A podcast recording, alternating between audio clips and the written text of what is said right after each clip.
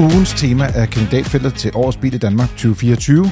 Ugens bil er Hyundai Kona Electric, en bil, der vokser, men også halter bagefter på et punkt. Og så runder vi alt som altid af med jeres lytterspørgsmål. Velkommen til Frigir. Det er din podcast om biler og livet som bilist. Mit navn det er Carsten Marlen Lemke. Jeg er testkører her i FDM, og med mig i studiet har jeg i dag. Dennis Lange, chefkonsulent her i huset. Og Yasser Abaiti, tekniker i FDM's rådgivning. Og som altid starter vi med de korte nyheder. Og Dennis, det, det er lidt en gammel nyhed, du har med i dag, men, men det skyldes, fordi vi ikke rigtig var i, i luften i sidste uge på den vanlige vis. Ja, der var jo nogen, der havde dresset sig til at tage ud og rejse til den anden ende af landet øh, og snakke om pff, biler. Mm, Jylland er et fint sted. Der, Jamen, der, absolut. er, øh, der var, jeg vil sige, der hvor vi var, der var også ret god plads. Øh, Det var et fantastisk sted at teste biler. Altså, som en, der har boet i Aarhus, det er ikke alle steder i Jylland, der er god plads, men mange steder, ja. Øhm, nej, men tilbage til min nyhed. øhm, en, en dieselbilsnyhed, hvis man kan kalde det det, øh, som jeg håber, at det er gået lidt op for de fleste, i hvert fald dem, der er berørt. Så her i søndags, altså den 1. oktober, der blev øh, ældre dieselbiler, mere specifikt dem uden partikelfilter, øh, en del af reglerne omkring miljøzonerne i de, i mig selv, om I vil tælle, om det er fire eller fem største byer. Det er lidt, om I tæller Frederiksberg som en øh, selvstændig by.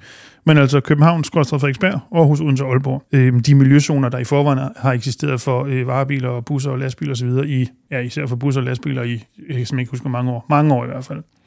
Men dieselbiler uden partikelfilter, det vil sige Euronorm 4 og ældre, og det vil så igen sige typisk sådan som tommelfingerregel, øh, biler fra 2009 og bagud, sådan som udgangspunkt i hvert fald, de bliver nu, øh, er nu blevet forbudt at køre ind i miljøzonerne, øh, medmindre at de har fået eller får eftermonteret et, øh, et partikelfilter. Hvis man drister sig til at gøre det alligevel, så er der en bøde på 1.500 kroner, og det er sådan noget, der kører på noget kameraregistrering, så altså, man kan nok være rimelig sikker på, det, fælden skal nok klappe uanset hvad, hvis man kører ind. Og så kan man jo sige, hvor mange bliver så berørt. Jeg tror, vi var sådan lidt omkring det i et tidligere afsnit også, hvor mange mm. er der egentlig tilbage af dieselbiler i Danmark og sådan noget. De sidste tal, vi har fået trukket, jeg tror, det var lige slutningen af sidste uge, der er det lige godt 57.000 øh, persondieselbiler, som er i den her kategori, og som ikke har fået eftermonteret et, øh, et partikelfilter. Øhm, så altså, ja, godt 57.000. Det er jo også en chat. Det er jo selvfølgelig ikke nødvendigvis skide alle 57.000 af nogen, der dagligt kører ind i miljøzoner, eller gjorde det før 1. oktober. Der kan jo sagtens være nogen, som, hvad ved jeg, hver dag kører mellem Esbjerg og Skive eller et eller andet, og så er det sådan set fuldstændig ligegyldigt i den her kontekst. Øhm, men, men det er i hvert fald 57.000, der potentielt øhm, er berørt nogen mere end, end andre. Man kan Så, sige, at i forhold til de tal, vi havde for et par uger siden, der var en lytter, der havde spurgt ind til antallet af dieselbiler og ældre dieselbiler. Der havde vi et, et lidt højere tal end øh, dengang, og det skyldes så blandt andet, at det så, vi kan jo ikke se ud fra de tal, vi havde der, om de havde partikelfilter eftermonteret. Det var den ene ting. Mm. Den anden ting, det er, som jeg forstår det, og den må du meget gerne rette mig, øh, Dennis, men nu, jeg, jeg, jeg kommer bare med en påstand. Hvis nu bilen er en veteranbil, så er den ikke omfattet af det her forbud med indkørsel i København. Nej, nej, det er den ikke. Øhm, Og, og, jamen, og, og i kan de ikke- tal med 70.000 plus, øh, der var også øh, ældre dieselbiler, altså dieselbiler, der var veteraner. Det kan godt være rigtigt. Øhm, det er muligvis rigtigt. Det kan, ja, det er sikkert rigtigt. Øhm, man kan sige, hvis man i hvert fald kun tager Euro 4 og, og bagudbiler, men ikke veteranbiler, og ikke kigger på partikelfilter, så er der 63.000 cirka. Præcis. Hvis man piller dem ud, der har fået eftermonteret partikelfilter, så er vi nede på de her 57.000. Så ja. Øhm, skal vi vælge en øh, FDM-holdning til det også, bare for en god ordens skyld, når nu vi sidder her? Yes. Øhm, langt hen ad vejen, øh, så øh, bakker FDM jo sådan set op om de her nye regler, altså at, øh, at de ældre dieselbiler uden partikelfilter nu er omfattet af miljøzonereglerne. Og det gør vi af den simple årsag, jamen, altså det er den her gruppe biler, som sviner mest derude. Det giver god mening at, at holde dem ude af de, af de største byer. Øhm, så, så det er vi sådan set helt med på, det har vi ikke nogen anker over. Der, hvor vi har haft en anker, og sådan set stadigvæk har det, det er i forhold til, i den udstrækning, man har hjulpet de berørte bilejere videre. Øhm, vi så meget gerne, at man havde øh, rent økonomisk havde holdt hånden væsentligt bedre under de her folk, som nu potentielt skal ud og enten anskaffe sig en nyere bil, eller ud og have øh, investeret i et partikelfilter, som kan koste mange tusind kroner afhængig af den konkrete øh, bilmodel. Der er en, en ordning, hvor man kan, kan søge tilskud, hvis man har en indtægt under 300.000, og så kan man få 2.000 kroner. Øh, For det første er det en relativt lille øh, befolkningsgruppe, man kan sige. Det, det er virkelig de lave indkomster. Og så det næste er 2.000 kroner. Altså det får du ikke meget partikelfilter for. Du skal alligevel og have nogle penge op i lommen. Øhm, det tænker jeg også, at det, du kan ikke genkende til. Ja, så jeg Mm. forestiller mig, at I hører fra, fra de folk, som rent faktisk bliver. Det, det gør vi. Der, der er en hel del, der ringer til os, og der er en hel del biler, man slet ikke engang kan få et partikelfilter Præcis. til. Så ja. det er en problematik. Jamen, det er det. Øhm, vi har foreslået, at man for eksempel kunne øh, lave en forhøjet skrotpræmie, eller en, en bedre øh, pulje til at, at få tilskud til at eftermontere partikelfilter, hvis det kan lade sig gøre. Det har man valgt fra politiet ikke at gøre, andet end den her ordning, jeg lige, lige beskrev, som er sådan lidt, lidt begrænset.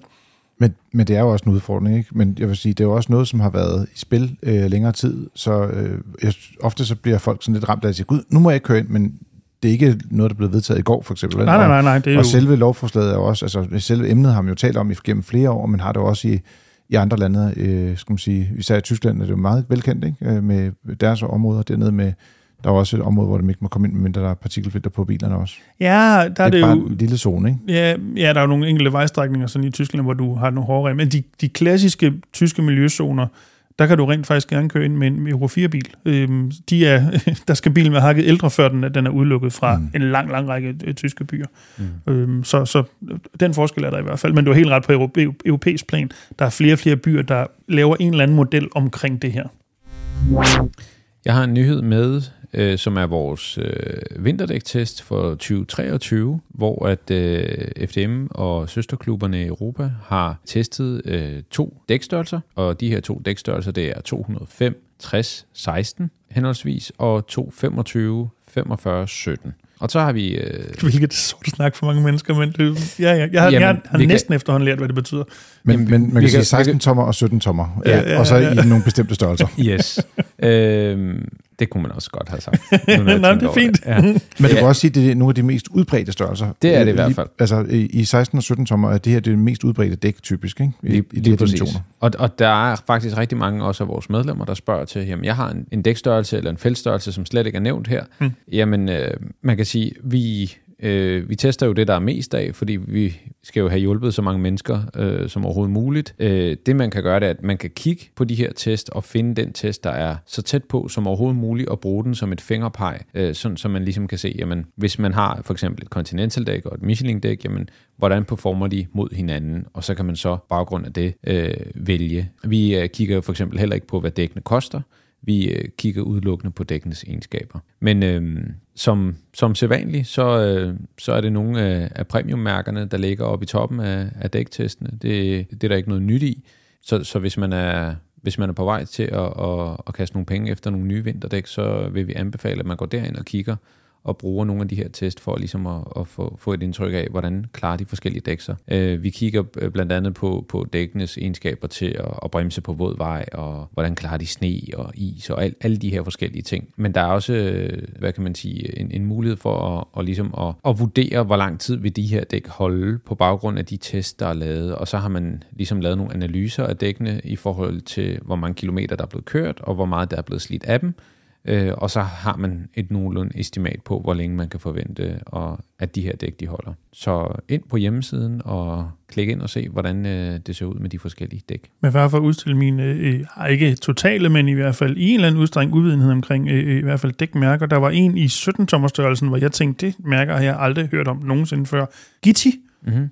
Er, er, er det kun mig, der øh, ikke aner, hvad det er for et dæk? Nej, det er ikke kun dig. Nå, okay, altså, det beroliger mig i en eller anden udstrækning. Men, jeg tror, men de det andre har mærker med har jeg da før. hørt om, men øh, Det har været med før. okay. Så Men der er rigtig mange dækproducenter, og der er også mange af de store premium dækproducenter, som har nogle, hvad kan man sige, datterselskaber, som mm. producerer lidt, hvad kan man sige, ikke discount, men budgetdæk, øh, som, som hedder noget andet, øh, og nogle gange så bliver man overrasket over, at jamen, det er faktisk for eksempel Continental, der ejer et andet selskab, Mm, eller, mm. eller hvem det nu kunne være. Ikke? Ja. Ja. Men, men der, er, der er i hvert fald en, en masse dæk at, at, at kigge på, og en masse resultater, så, så hvis man nu vægter for eksempel, at dækkene ikke skal støje særlig meget, jamen så er det, så er det måske der, man skal kigge. Øh, og der kan man gå ind på vores site og slå op i resultaterne og se, hvordan det ser ud. jeg synes noget, der er interessant, det er, at blandt andet når man ser på 16 tommer dækkene, så kan man måle, der er en masse ting, der bliver målt. Men en af øh, de discipliner, der er, det er en bremsetest på vådvej, som jo ofte oplever om vinteren i Danmark i hvert fald.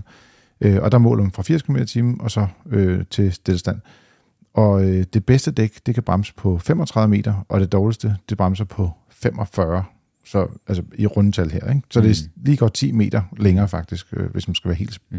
tysker præcis. Mm. Eller øh, man kunne fristes til at kalde det to billængder. To biler, det, det er meget. Mm. Eller Enig. to, børn, to børnehaver. Og jeg Ja, har, ja. jeg har faktisk det dæk her på, på min bil. På, Det- det som- dårlige som eller det gode? Det gode. Ah, okay. Øh, og jeg, jeg var faktisk ude for en situation, hvor det, det blev sådan en katastrofe opbremsning, og de, øh, de stod faktisk rigtig godt fast. Mm. Til gengæld så synes jeg, at de larmer lidt. Men, Men du kan ikke få det hele. Nej, sådan er det. Til gengæld synes jeg, det, det, der er jo også den der, du, du talte om det med, hvor langt de kan køre. Mm-hmm. Og så siger man, når man de dæk, øh, som der er blevet målt, øh, hvad er det, hvor man siger, der er den længste, øh, de fleste kilometer i, det er henholdsvis Michelin Alpine 6, og så Fulda Crystal Control HP2. Der er lidt navn. Så går man op og kigger på øh, bremselængden på vådvej, og så ligger den ene i den ene ende af skalaen, og den anden i den anden ende af skalaen. Så øh, du kan få biler, øh, skal man sige, dæk, der kan holde øh, langt. Det kan også være interessant ud fra et økonomisk perspektiv, mm-hmm. eller du kan også sige, at, at hvis de bliver slidt øh, over en længere tid, så har du typisk også lidt flere millimeter dækmønster, øh, mens du kører på det. Så øh, jeg vil sige, Michelin, den ligger top 3, øh, og det gør øh, fulddagen så også bare i bund 3, ikke? Mm. Så, så der, øh, der, det er en god idé lige at dykke lidt ned i resultaterne og sige, okay, som du siger, hvad, hvad er vigtigt for mig? Er det støj? Er det øh, bremselængde? Hvad for nogle ting er det, der, der er væsentligt? Der kan også være noget økonomi, det kan man sige på det også. Ikke? Mm. Og så vil jeg sige, at den sidste ting, det var, at øh, dækkene er ikke så dyre længere. Altså, når man sidder og kigger, har jeg kigget på dækpriser, det lyder som Det er du lige udtaget en torsdag aften, ikke vidste, hvad du skulle lave. Ja, det er fordi, når vi laver økonomiberegninger mm. af biler, så har dæk også en del af beregningen, så jeg sidder og slået dækpriser op igennem de sidste, ja, siden 2005. Ikke? Så, men det, igen meget nørdet, men, men det er blevet billigere at købe et dæk i dag, end det var for øh, 20 år siden. Mm. Men jeg, jeg, ret mig endelig, jeg synes bare, man hører, at I ser øh, dækkene til elbiler er relativt dyre hvert fald stadigvæk. Men det kan selvfølgelig godt være, at de inden for den kategori også er faldet. Det har jeg simpelthen ikke overblik over. Det er typisk, hvis det er komplette hjulsæt, hvor det er med fælge og mm. vinterdæk, øh, at, at de er ret dyre. Okay. Så mm. jeg, jeg, selve dækkene, synes jeg, hvis du går ind og kigger på, øh, øh, skal du sige, og så når jeg siger, at de er, at de er relativt billige, så er det at sige, en 17-tommer i dag kontra en 17-tommer for 20 år siden mm, ja. er blevet billigere i forhold til, øh, altså også i forhold til de andre dækstørrelser, ikke?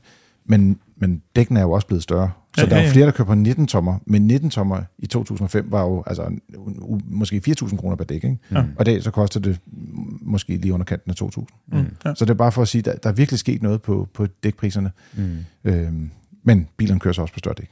Ja, ja, ja, og det er jo det, der i virkeligheden rykker på det. Altså, jo større volumen, jo billigere kan prisen blive. Og det er jo også derfor, som jeg så sagde i starten, at når folk siger, hvorfor har I kun 16 og 17 tommer, så må man sige, jamen på de biler, der kører på vejene, så er det stadig dem, der er flest af. Hvis du kigger på de nye biler, så øh, er, er dækdimensionen blevet større. Altså der er 17, der er næsten det mindste, du overhovedet kan få. Ikke? Mm. Mm.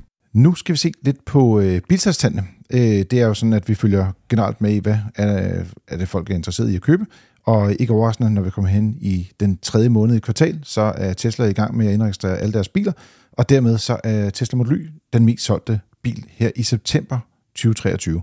Der blev solgt øh, lige godt øh, 2400 biler, og øh, hvis man kigger på, hvor mange der blev solgt for et år siden, så er det 580 biler cirka, de solgte. Så det er markant højere salg i år, mm. end det var sidste år. Når man så kigger videre ind på og siger, okay, en ting er Tesla, de sælger mange biler, whatever, men hvor meget fylder elbilerne så i det samlede salg? Og der er det sådan, at benzinbilen skal have hjælp af de hybridbiler, der bliver solgt, og også de mildhybrider, som teknisk set bare er en benzinbil. Ja, ja, ja for ligesom at komme op på 45% af det samlede bilsalg, og elbilen har 43% af bilsalget. Så det er, vi er derhen, hvor det er, at den er værd at tippe. Mm. Men hvis man så lægger plug-in hybriderne oven i elbilen, bare for at have 6 milliarder tal, så kommer vi lige hen over 50% af bilmarkedet, som faktisk er opladeligt. Og det er første måned, det er sket. Ja. Så øh, det er faktisk ret interessant det her med, at vi får den her øh, vandring fra, øh, skal man sige, mod øh, det elektrificerede, men hvor det før var øh, plug-in hybriden, der blev solgt mange af, og elbilen, der ikke var så mange af, så er det nu elbilen, der dominerer det her marked. Og det hvis ikke sige. det var for Ford Kuga, så ville der nærmest ikke rigtig være nogen øh, plug-in hybrider, øh, der blev solgt herhjemme. Mm. Øh, og så dieselbiler, øh, til dem, der godt kan lide dem, øh, de ligger, sådan, og, ligger lige omkring 3% øh, det samlede salg.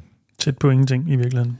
Ja, men det bliver spændende at se, øh, hvor, hvor langt ligesom Tesla kan trække det her med, hvor mange biler de rent faktisk sælger øh, her i løbet af året, og om de rent faktisk kan slå den rekord, der står fra 1986, og vi er i gang med lige at undersøge, om det er Toyota Corolla, eller om du... Eller, altså rekorden for, for flest øh, solgt af en enkelt model? Inden for et kalenderår. Ja, okay. Ja. Og, og, og den, vi er i gang med at grave lidt, fordi problemet er, at øh, bilstatistikken går kun tilbage til, tror det er 92 eller sådan noget. Jeg tror, mm. det er en kadet. Jeg er ret sikker på, det er kadetten. Ja. Kadet E, det, det var den. Ja. ja, og tallet er muligvis 15.000, men vi har simpelthen ikke kunne finde det bekræftet nogen steder. Så vi er i gang med at lave lidt research for ligesom at komme tilbage på det, og så kan man se, hvordan verden bevæger sig der. Mm-hmm. Så stay tuned. Vi skal nok øh, få styr på det. Øh, og hvis man ser på øh, salget i år, øh, års dato, så er der blevet solgt øh, faktisk 15.058 øh, Tesla'er, ifølge bilstatistik. Og det er jo godt nok mange biler. Det må man sige. Det, altså, det er jo også det billede, man får, når man kigger ud på vejen. Du ja. kan ikke, hvad hedder sådan noget? Spark dig frem for ja, bare Tesla. Ja, lad os bare tage den, ja. Øh, øh, især i hvid. Øh, ja, en hvid yr, det, det er mit bud, at jeg krydser, det ved jeg ikke, 30, når jeg kører på arbejde eller sådan noget. Måske kun 20, men stadig. Der vil jeg sige, øh, efter, som en person, der var i øh, Tværsted, skråstreg Tannesby, Mm. i sidste uge, Nordjylland. der var faktisk ikke nogen. Nå. Jeg så faktisk ikke nogen Tesla Model Y der. Nå. Så øhm, det, det, kan være, det må være en regional ting, det der salg. Københavner-fænomen. Altså, jeg tror stadig, det er det meste af Danmark. Det er helt sikkert Det er også, København og tungt, men det er det, det meste af Danmark i hvert fald. Man kan se, at det, det er en bil, der virkelig breder sig ud, mm. og øh, jeg vil sige, og det er også en rigtig fin bil, men jeg tror også, at, at folk vil også have glæde af at komme hen og se øh, andre elbiler, fordi der, til samme penge kan man faktisk få nogle ganske udmærkede alternativer, som også øh, kan give stor ejerglæde på nogle andre parametre, end dem, som Tesla brillerer på.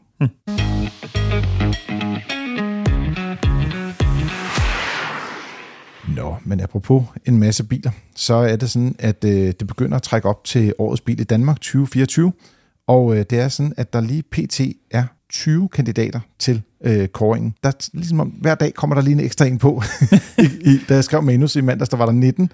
Øh, det var Jeep Avenger, der var den, der var den sidste øh, nye tilkommende. Og så i går, der kom der en NIO EL6. Og bare lige for min, øh, øh, og muligvis også nogle lytter, Avengeren blev årets bil i Europa sidste år, men Ja. den nåede ikke at være med i den danske kåring, så derfor er den med i år. Er det sådan, det hænger sammen? Ja, fordi at bilen kom jo først til Danmark i Ja, jo, sommerferien. Åh, cirka. sommerferie, ja, lige der omkring. Ja, jeg, var, jeg tror, jeg, det har jeg også fortalt ude tidligere. afsnit. i Jeg var ude at køre i sommerferien. Det var lige en uge efter, at den var kommet officielt derud. Det er sådan, at bilerne skal være indregistreret, øh, eller muligt at købe senest øh, første, øh, og leveres øh, første, øh, i løbet af januar måned, første måned øh, 2024. Øh, der skal være en pris på dem, øh, og så må de ikke have været med tidligere. Så der kommer en masse forskellige biler. Jeg vil sige, hvis du er interesseret i at se feltet, så gå ind og kig på vores hjemmeside fdm.dk. Der er en artikel omkring samtlige biler derinde.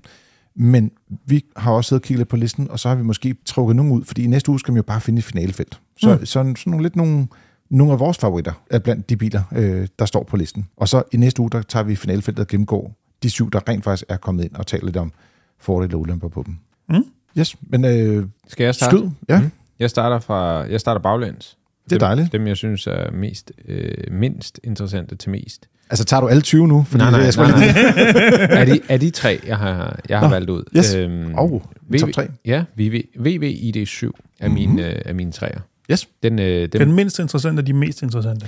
Jeg tror, den bliver meget populær, og derfor så er den interessant. Mm. Mm. Ikke fordi jeg personligt synes, den er interessant, men jeg tror, der er rigtig mange, der går og venter. Det er det, vi hører fra vores medlemmer, og det, det er også den, øh, det indtryk, jeg har, at folk gider ikke nødvendigvis en SUV, SUV hver gang. Mm. Så den er interessant. Den kommer øh, til kåringen med en embargo på, så vi må ikke udtale os om, øh, hvordan den kører, Mm. før den 15. november. Så det er lidt en lang varsel. det er fordi, at øh, vi har tidligere været ude at køre bilen, men der var det i øh, de sådan, forseriebiler, kan man kalde dem. Men dem, vi får nu, det er, de skulle have den endelige øh, skal man sige, under, undervognsafstemning. Altså den- den endelige produktionsmodel, Ja. hedder det. Men det er stadig sjovt nok forseriebiler. Så, øh, men Okay. det er meget, meget forvirrende, det univers med, med journalistik og øh, embargoer. Men øh, ja, interessant. Yes. Vil du øh, køre videre? Jamen, det kan jeg Ja, sagtens. fordi det, så kan det være, der er nogen, der krydser nogle biler af. Den, ja, den yes. Er også på min liste i hvert fald. Så har jeg øh, NIO ET5. Ja. Øhm, og det er primært på grund af designet. Jeg synes, det er en rigtig flot bil. Og så er det heller ikke en SUV. Det er rigtigt. Ja. Det er, Kan- kan, kan kan du så lave være en sådan- stationcar. Kan, kan det så være sådan lidt... at den sidste er heller ikke en SUV, Øh, den sidste er heller ikke en SUV. og det er en... Og, Bare lige... Der kom jeg så. og det er en BMW i5. Det må jeg sige. Godt. Ja. Øh, den tror jeg heller ikke, jeg må tale om, men den har jeg også kørt i. det er en anden embargo. Du kan ikke huske- Nej, det var den anden, øh, undskyld, det var den anden oktober. Det må jeg godt sige. Den kører pissefedt. Okay. det er helt ekstremt, så stille den bil er. Og den kører ikke som BMW var i gamle dage, hvor der er sådan nogle køremaskiner. Men den er, altså hvis man skal have en bil, hvor man kører langt i, så vil den blive så lykkelig. Altså, okay. Den er så fed. Og kæmpe meget plads i kabinen også, faktisk. Også på bagsædet sidder man ret godt, hvilket jo tra- traditionelt er et problem på, på elbiler. Brænskampen ikke kommer til 200.000, ikke? Nej. Nå. Jo, det kan man jo godt sige, men Pøblen skal ikke have sådan en god bil, er det det, du siger? ej, jeg vil sige, man må også være fair og sige, at når, du, når de kommer ind med en pris, der ligger under 600.000 for en BMW øh, 5-serie, som er en meget stor bil, Mm, ja, ja. øh, og, og sådan pænt udstyret, uden at have været ekstremt godt udstyret. Men pænt udstyret. Men tænk, hvis du kunne få den for 200.000. Jeg ved godt, det kommer ikke til Prøv at ske. hvis du kunne få den for 20. Ja, det, det ville være for den fantastisk. skyld. Anywho. jeg, jeg er glad for, at du bare lige hiver øh, 400.000 af en pris og siger, at det, det vil være en god pris. Jamen, det vil det da. Det vil sige, hvis nu man købte en Tesla Model Y øh, øh Standard Range, og du fik 25.000 kroner for at tage imod bilen, det vil være der omkring, vi ligger. Ah, 18.000 må det være, ikke? Ja, ja, Hvis du ja. trækker 400.000 fra, og den Ja, koster ja, under ja, 400.000. ja. Nå, sorry. Okay. Yes, vi kører videre i Dennis Wonderland. Hvad, hvad har du sat af priser på dine biler? øh, ja, det ved jeg ikke, om jeg har. Øh, men de tre, jeg tænkte på, øh, lad, lad mig bare tage øh, Jassers model og starte uh. bagfra, af de mindst interessante og de mest interessante. Øh, der har jeg faktisk også øh, i det syveren øh, på, og det er faktisk lidt den samme begrundelse. Personligt synes jeg, det er en fuldstændig ligegyldig bil, men jeg er Mhm. helt sikker på, at den kommer til at sælge, og jeg kunne også godt forestille mig, totalt fordomsfuld, jeg kan godt forestille mig, at juryen til årets bil synes, det er en interessant bil. Øh, det er sådan lidt det, jeg har tænkt i virkeligheden. Øh, de andre to biler, jeg har synes er mest interessant i den her kontekst, øh, de er virkelig fra samme øh, mærke. De er også begge to kinesiske. Henholdsvis, Må man øh, komme med et, et bød? Ja, ja et, et byd, ja, det må du gerne. For det er nemlig det er, henholdsvis øh, BUD øh, Dolphin og BUD Seal. Øhm, den lille, altså Dolphin, jeg har været ude at køre i den, for med meget penge, fordi det er 200, det er ikke 35, den starter på. Mm. Øhm, Hvor meget bil for pengene, ikke? har for meget bil for pengene. Ja, ja, Han er så absolut. begejstret, at han taler skævt. Det er øh, og den anden... første øh, gang i frigear. øh, nø. og den anden BUD Seal, øh, som jo er den her øh, Tesla Model 3 konkurrent, tror jeg mm. Godt, vi kan kalde den, øh, som for det første ser vanvittigt flot ud, på billeder i hvert fald, mm. Mm. øh, og øh, ser ud til at blive en rigtig interessant pakke. Altså, den kommer med nærmest alt i udstyr til en ret konkurrencedygtig pris. Øh, den synes jeg ser vanvittigt interessant ud også. Øh, og tror jeg faktisk også godt kunne have en fair chance i, i koringen her. Øh, og det synes jeg virkelig også, Dolphin potentielt godt kunne. Altså, man kan sige, MG4 vandt sidste år, ikke?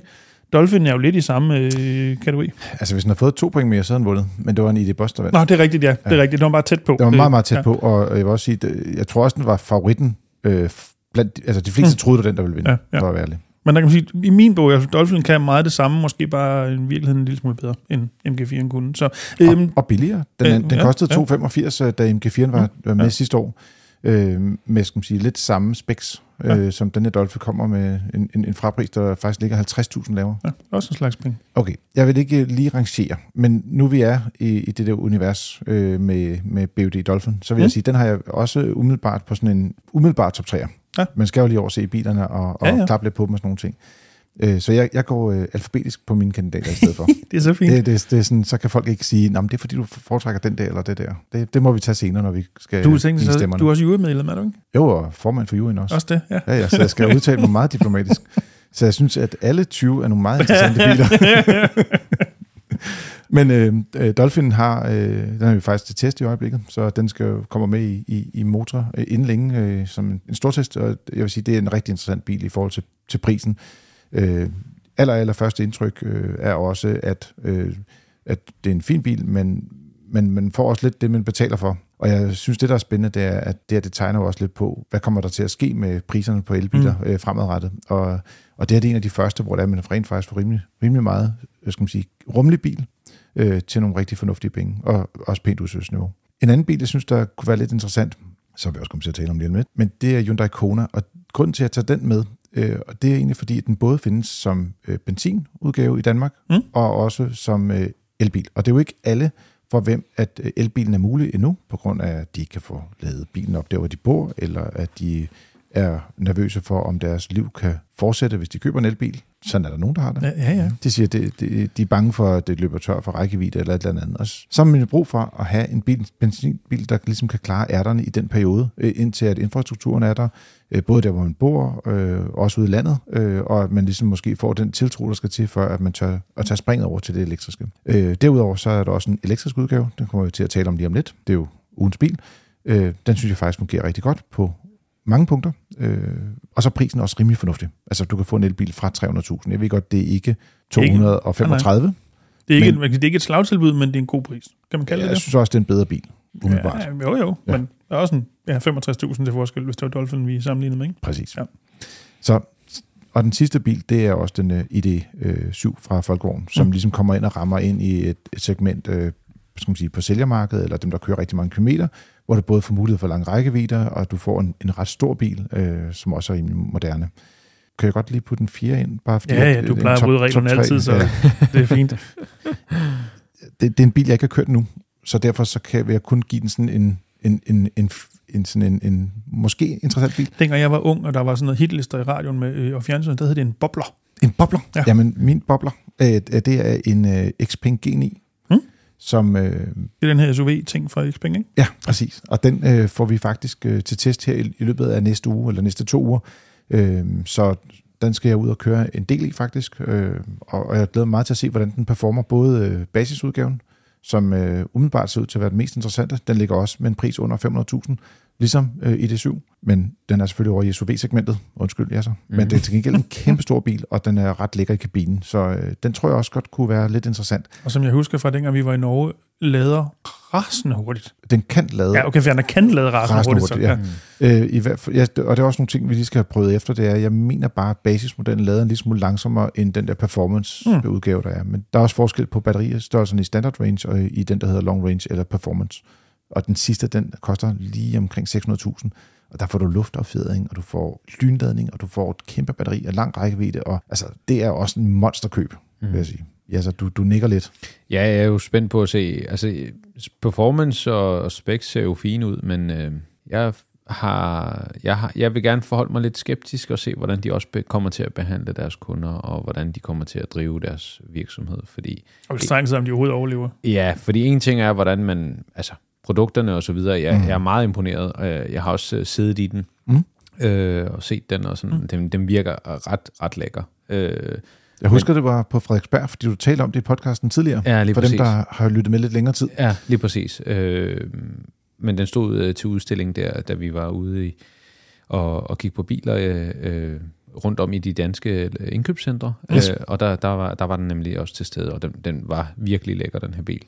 Øhm, men jeg, jeg, vil, jeg vil gerne lige vente og se, hvordan de kommer til at, at servicere bilerne, håndtere skaderne, håndtere alle de her ting. Det, det, og det er, gælder for alle, alle de nye bilmærker, ikke kun for Xpeng. Også mærker som Fisker for eksempel. Eksempelvis. Men det var ligesom, øh, skal man sige, nogle af dem, vi havde øh, valgt at highlighte ud af de i alt 20 øh, kandidater.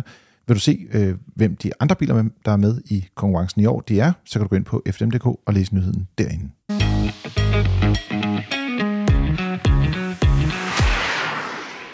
Så er det tid til ugens bil. Som teaser lige før, Hyundai Kona Electric vi er ude at køre i en version, faktisk ikke så overraskende. Topudgaven, det er det næsten altid på bilpræsentationerne. De Mm. prøver altid at vise det, som ser super fedt ud. Så det er en bil, der koster 370.000 kroner, men køber man den billigste, så slipper man med blot 300.000 kroner. Der er to størrelser batterier, og det er enten en rækkevidde, der ligger lige under 400 km, eller også er det en rækkevidde, der ligger lige over 500. Og jeg havde faktisk noget spændende nyt med til dig, altså. Mm? Og jeg måske forhåbentlig også nogle af lytterne synes, det er interessant. Mm? Jeg spurgte, hvor stort er batteriet? Så sagde de, det er 65 kWh. Så sagde jeg, er det så øh, brutto eller netto? Og det vil sige, er det den totale kapacitet på batteriet, eller er det det, som du som bruger får adgang til? Mm. Det er det, man kalder netto. Ja. Og så sagde de, lige et øjeblik. altså, sms'ede de. Altså, gik der 10 minutter, så kom de, nu har de fået svar tilbage fra fabrikken. Forskellen på de to er 0,2 kWh. Det har jeg aldrig set før. Det Altså, plejer altså altid... fra brutto til netto? Ja, ja Okay. fuldstændig uforståeligt. Altså, men det forklarer også, hvorfor de kan komme op på 512 kWh, øh, undskyld, 512 km rækkevidde på Mm. den store udgave. Fordi med et batteri på den her størrelse, så burde rækkevidden faktisk kun være altså 50-70 km kortere. Mm. Altså, jeg var virkelig overrasket over rækkevidden på den. Det må jeg Men, sige. men det er så fordi, de vildt bruger hele batteriet, I modsætning til øh, Toyota. for eksempel, ja. Ja. Men det er samme størrelse batteri stort set som Toyota har jo, skal man også leve på. Mhm. Mm. Og næsten samme rækkevidde. Ja, men det, det er jo spændende. En, en, en måske lidt anderledes strategi. Det, man plejer at have, altså jo, jo større buffer man har i sit batteri, jo, jo længere levetid har man Mm. på batteriet. Øh, og det um, lyder i hvert Det er fald meget underligt, ikke? specielt. Øh, Ja, ja, jamen, øh, Jeg kan kun sige, at øh, det overrasker mig øh, meget, og jeg tænker også lidt, det kommer også til at ramme mere på, at rækkevidden bliver kortere, altså over tid. mm. Du kan ikke forvente at have 65 kWh batteri om fem år. Det vil, det vil blive mindre.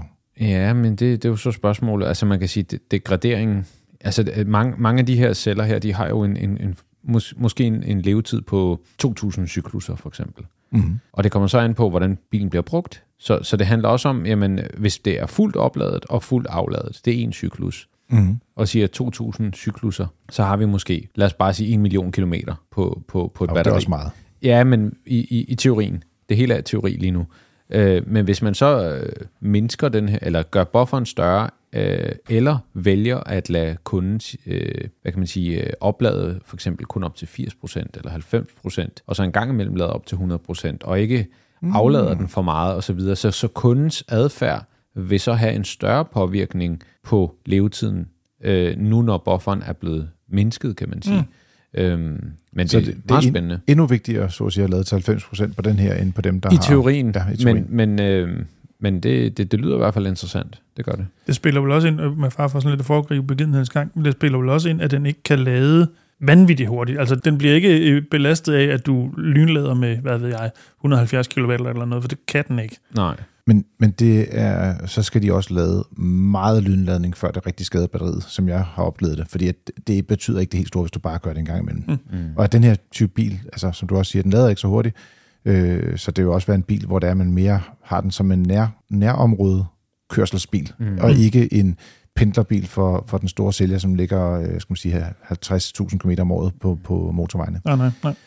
Altså, rækkevidden er fin, effektiviteten er på papiret rigtig flot. Øh, jeg vil sige, det var også det, der var tilfældet med den gamle Kona. Ja. Og det var ligesom den første bil, øh, som gjorde, at man, i hvert fald jeg personligt så, og jeg tror også, at ja, så du havde det lidt på samme måde, da vi så den bil, nu kommer der til at ske noget omkring elbiler og almindelige familier. Mm. Og det, der så var problemet, det var ordet familie. Ja. Fordi det var der så i realitet ikke plads til i den gamle Kona. Nej.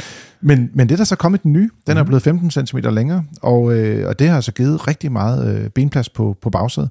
Øh, de siger selv hos Hyundai, at det er 9 cm. Det har jeg lidt svært ved at se, fordi at, øh, men der er i hvert fald kommet mere plads. Ja. Og, og det, det er mindst øh, 5-6 cm øh, benplads på bagsædet. Og det gør en kæmpe forskel i forhold til, så kan du lige pludselig have øh, autostol på bagsædet, hvis det er det, du har brug for. Øh, der er plads til at have teenager eller voksne. Fire voksne biler er heller ikke et problem. Og så er bagagerummet vokset øh, voldsomt. Altså det er oppe på 466 liter nu. Så det er jo kæmpe stort, hvor det gamle, det var jo kun, bare lige på udkomsten, 332. Mm. Øh, det er der kæmpe forskel. Altså, øh, og meget mere praktisk bil, end det var før. Mm. Og prisen er ikke voldsomt meget højere, men den er steget med cirka 50.000, så vidt jeg umiddelbart kan se i forhold til for et par år siden. Altså, jeg synes jo, jeg synes jo den, den, ser, den, den ser pæn ud, altså sådan designmæssigt og indvendigt i kabinen. Der, der, der ligner den ikke helt den gamle, men den har nogle af de samme, hvad kan man sige, øh, træk, som den gamle har, og den har heldigvis ikke særlig meget, eller overhovedet noget pianolak. Thank God. øhm, Åh, oh, Gud. ja, det er forfærdeligt, det der pianolak. En masse trykknapper, det er jo fantastisk. Altså, har, har, du, Øhm. har, du, har du været til sådan noget klaverundervisning som barn og fået et eller andet traume? Hvad sker der med Men dig? jeg synes, det er forfærdeligt. Jeg synes virkelig, altså det er så tavligt at putte sådan noget ind i en bil. Øh, Nej, det er det ikke. Hold op med det. det, det, er et sted, det er et sted, hvor man øh, rører og bevæger sig og kommer ind og skraver med sin jakke og taske og alt muligt, og det Hvordan behandler du dine biler? Men det, Som, som alle andre, Dennis, som alle andre. Pro- problemet er jo, at, at det her, de her er jo ikke biler, jeg selv har. Det er jo biler, som jeg ser, Mm. som er demobiler og så videre. Ikke? Jeg synes, det er noget forfærdeligt noget at putte i, i en bil. Men- øhm, Men det er rigtigt, og ved det, jeg- jeg har øh, selv øh, pianolak i min privatbil, og det kan du se, de, for det første øh, så sætter snavset eller støvet sig på dem med det samme. Mm. Altså, det, du tør det af, og så går der fem minutter, så er det beskidt igen, Mm. øh, fordi der er en eller anden form for magnetisk tiltrækning af, af, af støv, ikke? Øh, men jeg vil sige, den anden ting, jeg synes, der er fedt ved den her Kona, det er, at der er ret mange knapper i den. Hvis nu man er typen, der godt kan lide en Tesla Model Y, så øh, vil man synes, det er den mest forfærdelige bil i verdenshistorien. Hvis nu er typen, der synes, at Tesla Model Y er den mest forfærdelige bil i verdenshistorien, så er den her bil faktisk den mest fantastiske, fordi der er knapper, der er lagt ind i lag til de forskellige funktioner. Så klimaanlægget er samlet et sted. Øh, du har øh, knapper til at kunne betjene din medieskærm, både direkte, der er en dreje volumenknap, du har knapper på rattet. Og, altså, jeg vil sige, den er meget nem at betjene. Mm-hmm. Der, der er også sådan noget, der hedder stilke bag ved rattet til at betjene for eksempel blinklys og Og vil i øvrigt også prøve for det. Gearet, altså det er også en stilk bag rattet. Øhm, Ja. ikke, det er usædvanligt, men det er jo heller ikke alle biler, der er på den måde. Nej, altså, øh, man kan sige, det har Hyundai jo så på deres Ioniq 5 Mm, mm, og Ioniq ja, 6, ja. Øh, men det er sådan lidt mere sådan nogle, nogle runde, øh, det er sådan en vrideknap. vrideknap, ikke? Ja, Og det er den her egentlig også. Ja, den, har, ja, det, skulle, det er den her, den har en anden fasong, men det er stadigvæk øh, en vridning. Ja, ja. Men, men, men fordi den ikke er rundt på bagsiden, men den faktisk er sådan nærmest rektrangulært formet, mm. så er den faktisk utrolig nem at betjene. Altså, og jeg synes faktisk, når man kører øh, de der Ioniq 5'er eller 6'er, så er de sådan, man skal lige ramme den rigtigt for at, at, at, at få skiftet gear. Jeg synes, det er sådan lidt, det er sådan lidt uldent, hvornår du får skiftet. I den her, der er du ikke i tvivl om, hvornår det er. Altså, der er der, så der er et rigtig lækkert vip i gearvælgeren, hvis man skal sige på den måde. Mm. Og, og det gør den, øh, synes jeg i hvert fald, noget nemmere at, at betjene. Men det er altså ikke verdenskrig til forskel på de to biler, hvis man skal sige på den konto. Mm. Men det, det er ganske spændende. Har, har de fået noget bedre lys i de her biler, eller ved du det, Carsten? Øh, nej, vi var ikke ude og lave natkørsel med den her bil. Vi kørte med nogle af de andre biler, øh, men de har ikke fået øh, for eksempel øh, adaptiv øh, forlygter på den. Det er, men det er LED. Okay. Øh, det er typisk ikke specielt godt øh, fra, fra de her øh, bilproducenter. Så øh, det, det er ligesom om, at vi prøvede faktisk at køre med nogle biler øh, i sidste uge med natkørsel, der talte vi også om i podcasten sidste uge, det her med de asiatiske, og især herunder kinesiske biler, lidt endnu i forhold til forlygter øh, og kørsel i mørke, mm. og, og jeg vil sige, Hyundai læner sig lidt op af det, men jeg synes, deres lygter er blevet bedre. Mm. Men øh, ja, det, det er ikke det, der er den stærke side. Den stærke side ved den her bil, det er bagsædet. Okay. som jeg ser det. ja. Tænk lige på lygterne, det bliver jo så lidt interessant for dem, der så køber øh, den her bil, især forlygterne, øh, de har jo en lidt, skal vi kalde det, anderledes placering, øh, hvor de jo et sidder relativt lavt, men også vidderligt er hjørnet på bilen. Mm. Øhm, der, hvor du typisk, hvis, hvis man gør det, det siger ikke alle gør, men får lavet en parkeringsskade eller det er det hjørne der, det er så lygten, du tager. Det kan potentielt godt give nogle unødigt dyre reparationer, tænker jeg umiddelbart, men, men det vil jo vise sig, hvad, hvad erfaringerne bliver på den konto, øhm, men potentielt er der et eller andet der i hvert fald. Jeg har ikke så skarpe, skarpe holdninger til designet. Man kan også sige, den der er fotograferet også topmodellen, hvor der ligesom ligger et LED-bånd mellem de så at sige LED-kørelys, mm. kørelyset på bilen. Ja, ja. Det har de ikke i basisudgaven, faktisk. Øh, men ja, altså... Jeg synes, at... Hvis, nu, nu, ikke, så, ja, jeg, jeg, jeg kan sagtens se problemet her, dilemmaet. Ja, ja. Hvis vi lige tager, tager designet. Øh, øh, jeg synes, at den ser en lille smule bedre ud på billederne, end den gør i virkeligheden. Ja, øhm, enig. Øhm, den ser faktisk kan... ret godt ud på det billede, jeg har skudt. øhm, og så... Jeg kan virkeligheden bedst lide de versioner af Kona, hvor, øh, øh, kan vi kalde det skærmkanterne, øh, er i kontrast sort. Mm-hmm. Det er de, så vidt jeg lige kan følge med til, overhovedet ikke i nogle af de elektriske udgaver. Det var de heller ikke på den udgående øh, Kona.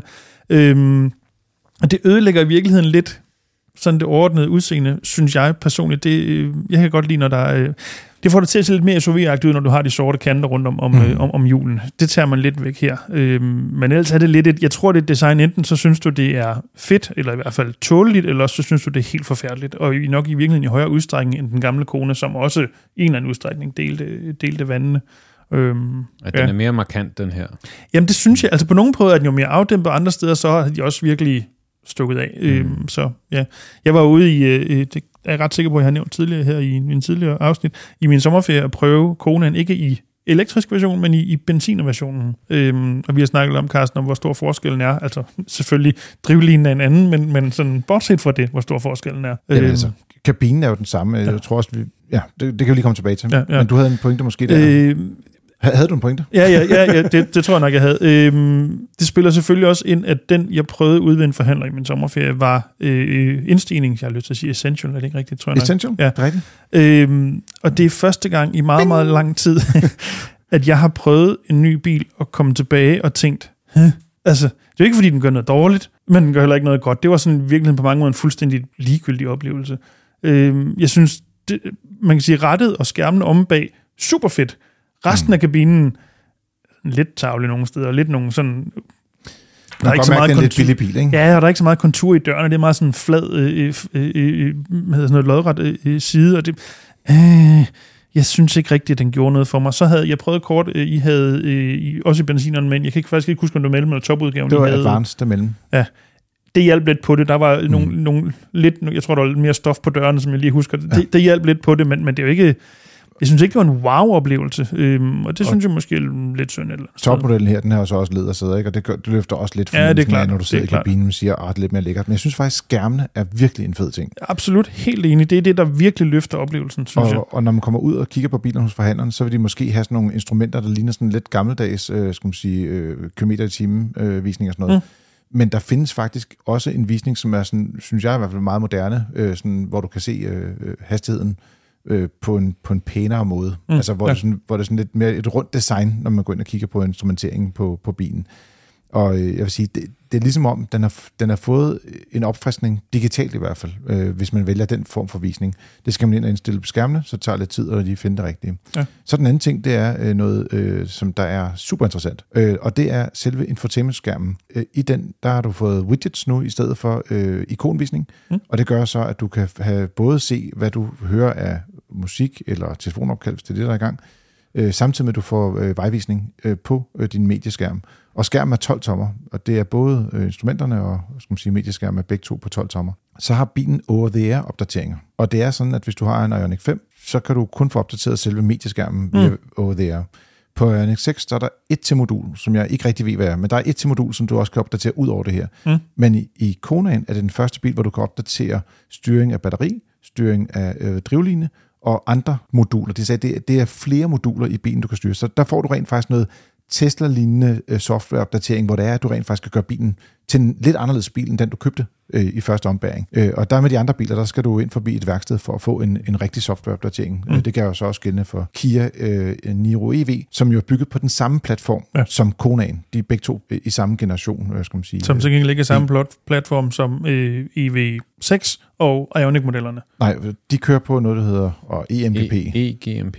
EGMP, godt. Yes, check. Som er 800 volts ladeteknologi og noget, noget Ja, helt ja, andet. ja. Øh, så, men jeg synes, øh, for dem, der ikke skal køre meget langt, så er det her en rigtig interessant øh, familiebil, øh, og man kan sagtens godt køre en, en længere tur på, lad os sige, øh, altså 400 km, det kommer ikke til at være et problem i den her bil på motorvej, og hvis man så har lyst til at lade en enkelt gang, så kan man godt køre 700 km på en dag, øh, men, men det er ikke den, man bruger som, skal man sige, pendlerbilen på tværs af Danmark. Nej, men man kan sige, hvis du bare øh, hvad jeg, til jul og til påske, og måske til sommerferien kører længere ture, og Not så lige er ops på, at det tager lige en lille smule længere tid at lade, så er det sådan set fint nok. Ja. Øh, men, men egentlig, det er, ikke, det er ikke hver dag, du skal krydse landet, så bliver du nok lidt træt af, af ladetiderne. De siger, at den kan lade med op til 100 kW, men til gengæld så øh, øh, er ladetiden øh, ikke meget bedre, end den er på øh, Kiaen, som kun kan lade med 72. Mm, Altså ja. det, det, en, en 10-80 procent, der er, der er to minutters forskel. Mm. Så det er altså ikke der, man siger, at det er en væsentlig forskel. Men jeg vil bare sige, det er det samme for stort set alle elbiler i det her segment. De, de lader stort set med samme hastighed, når det er, skal sige, du har nogle længerevarende opladninger. Mm. Øh, de eneste, som skiller sig ud, det er jo de biler, der kan lade på 800 volt, eller også Tesla har også nogle lidt kraftigere ladende biler. Må jeg nævne en ting mere omkring bilen, Ja, selvfølgelig. som var, og det er jo desværre ikke kun den her bil, men jeg synes især, det var den her bil, er, Jeg håber, du siger noget med nogle lyde. ja, det er det, jeg er på vej Godt, hen. okay. Jeg kan næsten ikke beskrive, hvor irriterende det var. Antallet af dinglyde, som kommer hele tiden, er vanvittigt frustrerende. Så kører du for stærkt, så nærmer du dig en linje, så, hvad ved jeg, sidder selen ikke rigtigt, eller også holder du ikke på rette. Og det, det er ikke altid, man er helt klar over, hvorfor den siger ding. Men der kommer et ding, og man lidt tænker, øh, hvad nu? Det, jeg vil sige, der var problemet mange er, at de er for ens. Så det er Mm, fordi, ja. den, giver faktisk, hver gang den, den øh, anerkender, at der er en ny fartgrænse, så kommer der et ding. Og så hvis du kommer til at køre 2 km i timen for stærkt i mere end to sekunder, så kommer der også et ding. Ja. Og jeg vil bare sige, når du kører i en bil, øh, nu kører du med benzin, men hvis Ja, du kører i elbilen, så det der med at styre farten, altså nogle gange, så, selvom du prøver at køre lige under 50, så kommer du op på 52 nogle gange Ja, ja. i et par sekunder, og så er du nede igen. Det er jo ikke, man er ikke, øh, skal man sige, øh, udraderet hverken børnehaver den årsag, eller øh, fjernet skove øh, Nej, nede og- i Sydamerika. Og det er Øh, der også, det men, der så men det er også. så irriterende, det kommer så hurtigt, men jeg tror, vi kommer tilbage til emnet. Ja, Dennis, ja, ja. Øh, Jamen, det, det, men det er faktisk et problem i den her bil. Den har rigtig mange bibløde. Ja, og det er der også, og det er ikke kun for den her, som du siger, det, lad os endelig komme tilbage til det, og det er også andre, der gør det. Selv når du sætter en hastighed på øh, fartpiloten, hvis så fartpiloten ikke lige kan holde, når den triller en eller to over, hvad der så er hastighedsgræns, så dænger den også, og det er sådan lidt, "Men hvad vil du have, jeg skal gøre det? Det er dig, der ikke kan holde hastigheden lige nu, din dumme bil. For eksempel ned ad bakke. Præcis. Det kan den ikke. Nej. Nej, og det er frustrerende. Ja. Så, men øh, det er også et emne, jeg snakker faktisk med nogle teknikere hos øh, Hyundai omkring det, og de sidder og arbejder på det, og de er i gang med at prøve at finde ud af, hvordan øh, man kan få lov til at tolke reglerne fra EU. Mm. Og de Ja, også, ja, for det er jo vigtigt at sige, at det her virkeligheden, at det er jo de her nye EU-regler, der kom for, øh, hvad det sidste år, de begyndte at træde i kraft, som, som siger, at alle de her ting skal være her, og det ja, det er typegodkendelser efter, var det juli 22? Ja, det mener jeg. Ja, øh, hvad er det, så vi ser det bare på alle biler, der kommer lige nu, at de har de her systemer, og de fungerer lidt forskelligt. Og øh, lige i Konaen, der er den pænt hissig Mm-hmm. for nu.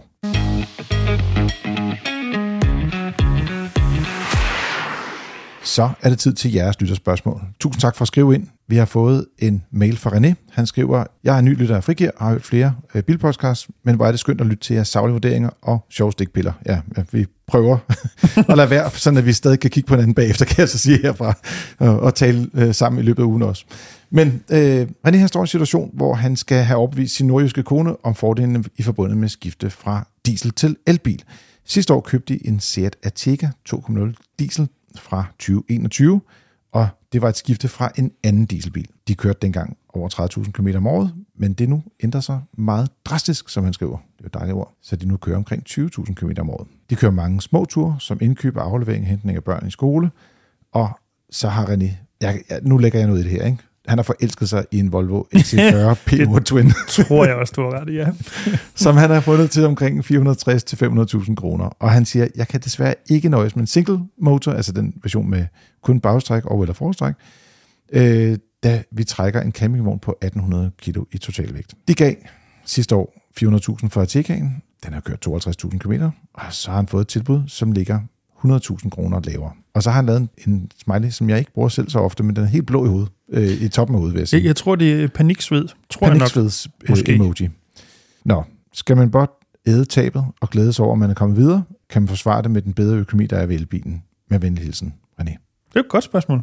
Det er et super godt spørgsmål. Og Ja, det, jeg er vil sige, det er rigtig mange af de, sindssygt. og det er rigtig mange af de her spørgsmål, vi får i rådgivningen lige i øjeblikket. Hvad, hvad siger Jasser så? Jamen, Hvis René havde ringet ind, så havde han sagt, Jamen, hvis René har ringet ind og sagt, at han kører rigtig mange små ture og har en dieselbil, så har han fået det at vide, som vi fortæller alle vores medlemmer. Du bruger det forkerte værktøj til det forkerte formål. Mm. En dieselbil er ikke lavet til små ture. Den her, den her Atega med med 2.0 DSG, altså det er en fantastisk bil. Den kører super godt. Øhm, men den er bare ikke god til det, som, som nu er deres kørselsbehov. Øhm, om jeg så vil købe en elbil til en halv million, ikke nødvendigvis, øh, men det er, jo, det er jo det, han har be, øh, behov for. Altså han har behov for at trække... 18, Skråstrej lyst til. ja, men han har brug, Nej, brug for en bil, skal- der kan trække 1800 kilo. Ja, ja, ja, det er rigtigt. i en campingvogn. Det er helt rigtigt, ja. Ja. Og hvis det skal være en elbil, jamen, så er det jo ikke, fordi der er en kæmpe palette af biler, man kan vælge mellem. Det er ikke mange, der kan trække så, så stor en, øh, en campingvogn, øh, og nu ved jeg ikke, om han, han, han har sikkert også det store kørekort, det behøver vi ikke lige tænke på. Men, men det skal man jo også tænke over, at, at øh, det er ikke billigt det her, det er et, et dyrt skifte, men om han skal gøre det nu, eller gøre det senere, jeg tror, det er sådan lidt, jeg tager lige min glaskugle frem, Uh. øh, og ser lidt i fremtiden. Øh, Der er nogle blå tåger og lidt Ja. røde tåger, kan jeg se. Hvorfor Øh. fører du hen, hånden, hånden sådan hen over kuglen, Jasser? Er det en særlig trick, du kan? Ja, ja. Hvad hedder det? I forhold til fremtiden, øh, jeg tror jo, at sådan en bil her, den vil være øh, en bil, som man kan få billigere næste år. Altså, hvad for en af dem? Øh, Volvo? Den Elbilen. elbilen. Ja, ja. Øh, ikke nødvendigvis fordi, at bilproducenten sætter prisen ned øh, på bilen, men fordi, at den kommer til at kunne findes på det brugte marked, og Mm. mm. måske parallelt importeret, og så videre, og så videre. Så jeg vil nok ikke gøre det nu, hvis det var mig selv. Jeg tror ikke, jeg tror ikke hans, øh, hans bil kommer til at tabe meget mere værdi i løbet af det næste år. Øh, forholdsvis øh, lavt kilometertal, og jeg formoder også, at den er vedligeholdt. Øhm, så jeg vil vente til næste år øh, med at skifte den her bil. Men det kan også godt være, at Carsten han kigger på alle de her beregninger og, og, og så videre med vores forbrugerøkonomer. Og det er så spørgsmålet, om, om det kan svare sig, ligesom at, at, at vente til næste år. Ja, for der er vel altid det, og det er jo sådan, altså det, der René han jo sådan giver udtryk for, at det økonomiske tab, når bilen kun er et år gammel, er jo relativt stort, mm, bilens værdi taget i betragtning. Og det er jo klart, jo længere man har bilen, jo mere bliver det fladet ud, hvor meget præcis. øh, du så øh, per år, jeg så må sige, har tabt. Så, så, så den, det er jo den problem, der i virkeligheden også er, det, ikke? det er lige præcis det, fordi jo flere gange vi skifter bil, jo flere penge taber vi. Mm. Øh, og man kan sige, hvis jeg nu øh, får nogenlunde det samme, lad os bare sige 20.000 mindre næste år, lad os, lad os lege med det tal, men han så til gengæld kan købe bilen 70.000 billigere, altså elbilen, så har man måske også gjort noget. Mm. Øhm, så det handler om at be- be- begrænse øh, skaden, kan man sige. Ikke? Øhm, og jeg tror, at det vil være bedre at vente til næste år. For det er ikke, fordi han står med en bil, der er, der, der er ødelagt eller defekt, og han skal af med den, og den skal skydes af med det samme osv., så, så er det bare at komme i gang. Men, men når bilen er forholdsvis ny, og, og, og lyder som om den er velfungerende osv., jamen så synes jeg, han skal vente. Altså, ja, så det jeg forstår, det er, hvis nu han skulle ud og købe en ny bil, så vil Mm. du ikke anbefale, at han købte en diesel. Men nu han har kommet til at købe den, fordi Mm. de dengang kørte 30.000 om året, gav god mening dengang, Mm. han er kommet lidt i klemme. Mm. Men hvis han lige holder den et år mere, det er ikke det, bilen dør på. som jeg forstår det på dig. Altså det, teknisk set, er risikoen er ret lille, ikke også? Risikoen er der. Altså, der, der, den dør ikke, men, men der er risiko for, for sod og så videre. Det er jo ikke det, øh, at dieselbilen er glad for. Nej. Men, men hvis vi han nu bare venter for eksempel et halvt år, øh, bare vi kommer ind i 2024, kan man sige, og ligesom Volvo også får lanceret deres meget billige elbiler, og der kommer nogle af de her nye øh, ja, modeller. men de kan ikke noget. De, kan, de, de vejer næsten mindre end en Nej, men, men det er ikke så meget det. Det er mere, at, at jo, jo flere biler vi får ind på mm. markedet til forskellige smag og behag, jo, jo, jo, jo øh, mere bliver øh, de her biler nødt til at være fleksible i deres priser. Altså bilforhandlerne bliver nødt til at sætte priserne ned, sådan, så de kan få solgt nogle af de andre biler. Øhm, og det altså, tror jeg kommer til at, at, at, at påvirke brugtbilsmarkedet næste år. Jeg, jeg tror, at øh, der, der er flere ting i det her, fordi nu, nu ved vi jo ikke, hvor meget de kører med deres campingvogn. Nej. Men der er jo en ting med elbiler og campingvogne, man skal være opmærksom på, det er, at de har cirka den halve rækkevidde hvad man ellers har. Når den, man ikke har en... Ja, den øh, halve af den reelle rækkevidde. Ja, ikke, ikke ja. det, som fabrikken siger, men det, som der er reelt rækkevidde på sådan en ja. bil. Og den der Volvo øh, øh XC40 P8, så lang rækkevidde har den jo heller ikke. Mm. Altså, lidt mere i den nyeste facelift-udgave, mm. øh, men det er klart bedst, hvis den er bagstræk. Mm. Og det har han jo ikke her, for han skal have filostræk. Så mm. et, altså, jeg, jeg, jeg vil også vente. Og, og jeg ved ikke, om jeg vil vente et år eller to. Altså, jeg, jeg tror, jeg vil sige, det der med, at nu han mister 100.000 efter et år, men mm. efter to år, så mister han måske, lad os sige, 30.000 mere, eller måske 35.000 mere. Typisk taber om cirka 10% om året, plus noget, noget avance til forhandleren, eller hvor bilen står godt eller dårligt i markedet. Mm. I det her tilfælde er det åbenbart øh, lidt mere end det, ikke? Fordi det er sådan 40.000 til øh, værditab på bilen, og så, øh, så vil han tabe øh, cirka 60.000 i forhandlersalær. Jeg tror ikke, det er helt skævt, men han har kun fået et tilbud. Han kunne måske høre nogle flere steder. Det mm. kan også være, at han kunne sælge den privat, og måske komme af med den til en pris, som var måske på 350-340, og så stå lidt bedre. Mm. Men jeg tror også, at jeg vil vente et år. Og, og igen måske to, før at der kommer den elbil, der rent faktisk passer til at køre med campingvogn. Og alternativt som kan det også godt være, at de skulle se lidt på, om, om campingvognen skulle skiftes fra en, der vejede øh, 1800 kilo til en, der var 1600 kilo. Mm. Det udvider paletten markant mm. i forhold til, hvad for nogle elbiler, der findes derude på markedet. Mm. Og også andre elbiler, som vil passe ret godt til at kunne trække en, en campingvogn i forhold til ladetider og rækkevidde og sådan nogle ting. Eller også så kan man prøve at se, om man kan få en eller anden mulighed for at lege en bil, når man skal ud på campingferie. For så kan man jo næsten få hvilken som helst elbil. Mm. Ja, og så, så kunne de måske, eller, eller bytte med nogle venner, eller noget i den stil, ikke? Mm-hmm. altså i den periode. Ja. Så er der sikkert noget med garanti og nogle øh, forsikringsvilkår, og Dennis har en lang historie om det. Det tager vi, når vi kommer til dig på sommerferien, tror jeg. ja, det er fint. Dennis, har du en sidste remark på den? Øh, nej, det tror jeg, jeg, nej, det tror jeg. Jeg synes, øh, det så, tror jeg, vi kommer meget godt omkring. Det er umiddelbart en vent øh, herfra. Hold hestene lidt. Øh, ja. Vent med at slippe de elektriske løs til, at øh, vi kommer ind i 24, måske 25. Mm. Vi har også fået en mail fra Michael. Han siger, tak for et godt program. Min bedre halvdel og jeg er ret enige om, at vi har hørt et sted, at man som indehaver af et kørekort har pligt til at holde sig opdateret og informeret om nye færdselsregler og skilte. Spørgsmålet er så, hvor holder man sig opdateret? For vi har ikke umiddelbart kunne finde det. Yes. Skal jeg smage på den? Jeg tror, lige her, der kommer, ja, så jeg vil komme til at holde kæft. ja, det er fint. Det er fint. Der skulle vi også nå hen på et eller andet tidspunkt, så det er udmærket. Now it's Dennis time. øhm, det er fuldstændig rigtigt, øh, øh, det som øh, Michael og hans bedre halvdel har hørt, at man, når du har et kørekort, skal holde dig opdateret med nye regler. Men det gælder jo ikke kun, når man har kørekort, det gælder jo i en fuldstændig sammenhæng i samfundet, at du har jo som borger pligt til at hele tiden finde ud af, hvad er rent faktisk gældende lov. Øhm, så, så det er der ikke noget unikt i, men det er stadig rigtigt. Selvfølgelig skal man det. Øh, man kan jo ikke sige, at jeg, har ikke, jeg kender ikke nye regel, så, så derfor så gør, så gør det ikke noget at køre for stærkt, eller hvad det nu måtte være. Nej, sådan, øhm, sådan virker det ikke. Øhm, så er der det her med, hvor man holder sig opdateret. Der kan man sige, at der er jo et, skal vi kalde det et officielt svar, og så er der måske et mere praktisk svar. Den officielle, det er jo, at jamen, det er man jo som udgangspunkt øh, øh forpligtet til, hvis vi kan til at så bruge det ord i at følge med i de nye øh, lov og regler, der kommer til landet. Det er jo sådan noget, man kan læse i lovtivet eller på retsinfo.dk. Øhm, det tror jeg ikke, der er mange, der gør, og det forstår jeg godt.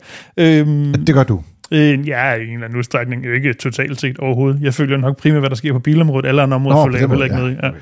Ja. Øhm, og det, der jo så er det mere praktiske svar, det er jo især, når vi, hvis vi nu lige nøjes med at holde os til biler, det er også det, han spørger om, øh, her fra vores side, altså fra FDM, jamen, når der kommer nogle nye relevante regler, som man som bilist skal forholde sig til, nogle nye skilte, man skal kende osv., så, fortæller vi jo om det.